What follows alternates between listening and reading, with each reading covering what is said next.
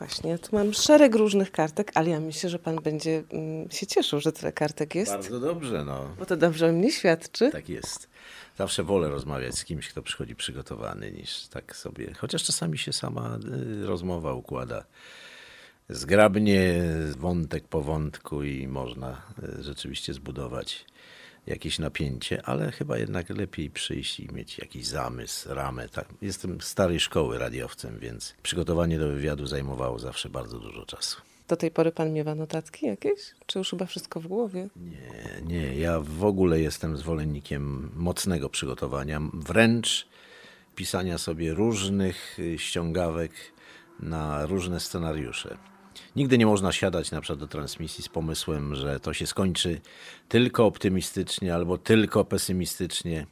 Trzeba mieć warianty i pośrednie, ale też te właśnie takie krańcowe, kiedy się coś wywraca, kiedy nie toczy się po naszej myśli lub przybiera zgoła odmienny obrót i nagle jesteśmy zaszokowani jakąś sensacją, fantastycznym wynikiem, medalem, tytułem i to wszystko wtedy też trzeba dobrze sprzedać. To przychodzi oczywiście samo, to jest jakaś fala, tsunami się pojawia w człowieku ale y, wydaje mi się, że dobrze mieć jakąś, jakiś rodzaj y, podpórki, jakiejś myśli, jakiegoś skojarzenia.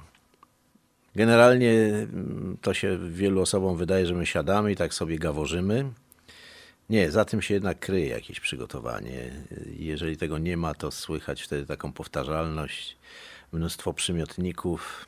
Pański zawód powoduje już po tylu latach, że pan właściwie w każdej sytuacji potrafi się odnaleźć, prawda? To znaczy, ja już mam swoje lata. Nie ma sensu epatować y, datą urodzin, tym bardziej, że pojawiają się też takie refleksje, człowiek dochodzi już do jakiegoś tam progu zawodowego, a może już jest nawet ten próg y, za mną. Nieważne, nie będę się zastanawiał. Na razie mam jeszcze w sobie dużo świeżego optymizmu. W każdym razie na pewno jest coś takiego, że mm, musi się pojawiać ten moment zastanowienia. Czy w każdej sytuacji muszę mówić? Cisza jest piękną sprawą. Pamiętam taką dramatyczną sytuację w Zakopanem, y, kiedy upadł czeski skoczek i stadion zamilkł. I zrobiła się wielka cisza, straszna cisza, tragiczna cisza, ponieważ to wyglądało okropnie. I wtedy każde słowo jest przeciwko widowisku, każde słowo jest przeciwko sytuacji, przeciwko pewnemu naturalnemu dramatyzmowi, jaki się wtedy w Zakopanem wytworzył. Ten Janek Mazoch leżał i, i, i tak wszyscy patrzyli przerażeni, czy on drgnie, czy w ogóle Y, nie skończy się to jakimś takim y, no, prawdziwym życiowym dramatem. Szczęśliwie no, skończyło się na tym, że mm, odszedł ze sportu, ale nie odszedł z życia. Pan niestety jest komentatorem takiego sportu, który jest ryzykowny bardzo mocno. Znaczy, właściwie, czego pan nie komentował? No tak, ale zacznijmy od y, tego sportu, w którym ryzyko jest dla nas opium.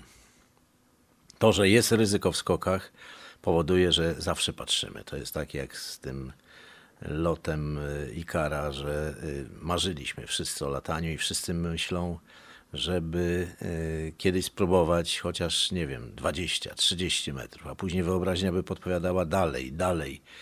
Oni mają tę wyobraźnię również i stąd te pomysły. Skocznia 250 metrów już dzisiaj ich nie satysfakcjonuje. Ten rekord ma być jeszcze lepszy, bardziej wyśrubowany. Jest w tym już i granie ze zdrowiem i ze zdrowym rozsądkiem.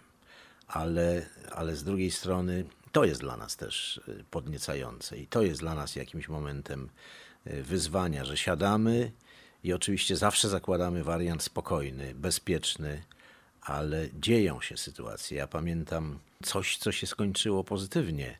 2007 rok, jest seria zwycięstw Adama Małysza, jest w fantastycznej formie i skacze w swojej ulubionej królewskiej skoczni Holmenkollen w Oslo. Wzbija się, jest ponad tymi osłonami, dostaje podmuch wiatru, zaczyna się żonglerka nart, tułowia, I y, oczywiście skok jest y, fatalny, ale skok szczęśliwie wylądowany. A wyglądało to tak, że zawinie nim i po prostu poturbuje go na zeskoku. Skończyło się ogromnie szczęśliwie, a jednocześnie zbiegło się to z tym, że miałem niespokojną noc i, i, i śniło mi się właśnie, że coś się stało. I później jest ten moment déjà vu. Ja już to przeżyłem, przecież to było przed chwilą, ja to widziałem. To jest to wielkie napięcie, które w nas rośnie, kumuluje się przed zawodami, kiedy jest grał jakąś stawkę. Tutaj chodziło o to, żeby mistrz świata pozostał niepokonany do końca sezonu i były to jedyne zawody, których nie wygrał. I jedyne zawody, w których stanął przed tak wielką próbą swoich umiejętności, charakteru i zdolności zapanowania nad sytuacją krytyczną.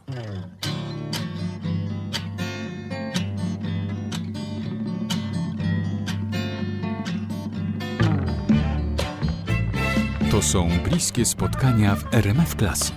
Komentuje Włodzimierz Szaranowicz. Wiem, że to pytanie to może być takie pytanie o to, dlaczego pan woli zupę ogórkową, a nie pomidorową, ale może istnieje coś takiego konkretnego, co sprawiło, że pan się zajął właśnie, mm, no nie wiem, pana koronne dyscypliny sportu, to są, to są skoki narciarskie i lekka atletyka, tak? To znaczy, ja w ogóle zawsze kochałem sport. Może dlatego, że do siódmego roku życia yy, chodziłem w szaliczku, w czapeczce, przeszedłem wszystkie choroby wieku dziecięcego, byłem zdominowany przez mamę, która się tak o mnie troszczyła i bała, że nie pozwalała mi normalnie żyć. Urodził się brat i dali mi spokój. Przeprowadziliśmy się na Muranów z takiej zasobnej saskiej kępy wpadłem w świat ruin. Przed nami były ruiny y, getta. Bo to była jeszcze pierwsza połowa lat 50. Tak, to był 50, dokładnie piąty rok i Warszawa była zburzona. Ja taką Warszawę pamiętam. Y, Miejscem całym dla nas, jakimś punktem odniesienia był Stadion Polonii Warszawskiej. Y, Tam chodziliśmy, oczywiście były forty y, Kusego, były miejsca, gdzie zdobywaliśmy te swoje wojenne trofea, znajdowaliśmy pozostałości po broni, po mundurach. No po prostu takie życie, które nagle stało się dla mnie wielką przygodą. Wyrwany już z tych objęć mamy, nagle odkryłem po prostu inny świat, fascynujący świat, gdzie elementem tego y, świata była jakaś rywalizacja, coś po prostu nas goniło. Jazda na tak zwanym cycku, czyli z tyłu tramwaju taki był ruchomy punkt, na którym się siadało lub stało i trzeba było dojechać właśnie wzdłuż Polonii, jeden przystanek szóstką, do dziś pamiętam numer tego tramwaju i po prostu przeżyć. Jeden z moich y, sąsiadów stracił stopę spadając. Ale to były takie wyzwania, które no, przyjmowaliśmy jako zupełnie naturalne. Później przyszedł y, w wyniku tego sport. Ta rywalizacja musiała się w jakiś sposób ucywilizować. Zaczynałem jako mm, trampkarz warszawskiej Polonii, później zacząłem pływać y, w warszawskim AZS-ie na basenie Polonii. Później przyszła koszykówka, już y, został AZS, jeździłem na Bielany. Y, W międzyczasie jeszcze była piłka ręczna i tak te sporty we mnie rosły. A naszym nauczycielem WF-u, skąd to zamiłowanie lekkiej atletyki, był Andrzej Radiuk. Słynny trener płotkarzy, wielkiej grupy polskich płotkarzy, którzy odnosili sukcesy. I on nas do tej lekkiej atletyki wciągnął w sposób tak naturalny, że my kończyliśmy zajęcia. I oczywiście musieliśmy odegrać jeden mecz w nogę, ale za chwilę biegaliśmy skacząc przez ławki. To była e, nasza przeszkodówka.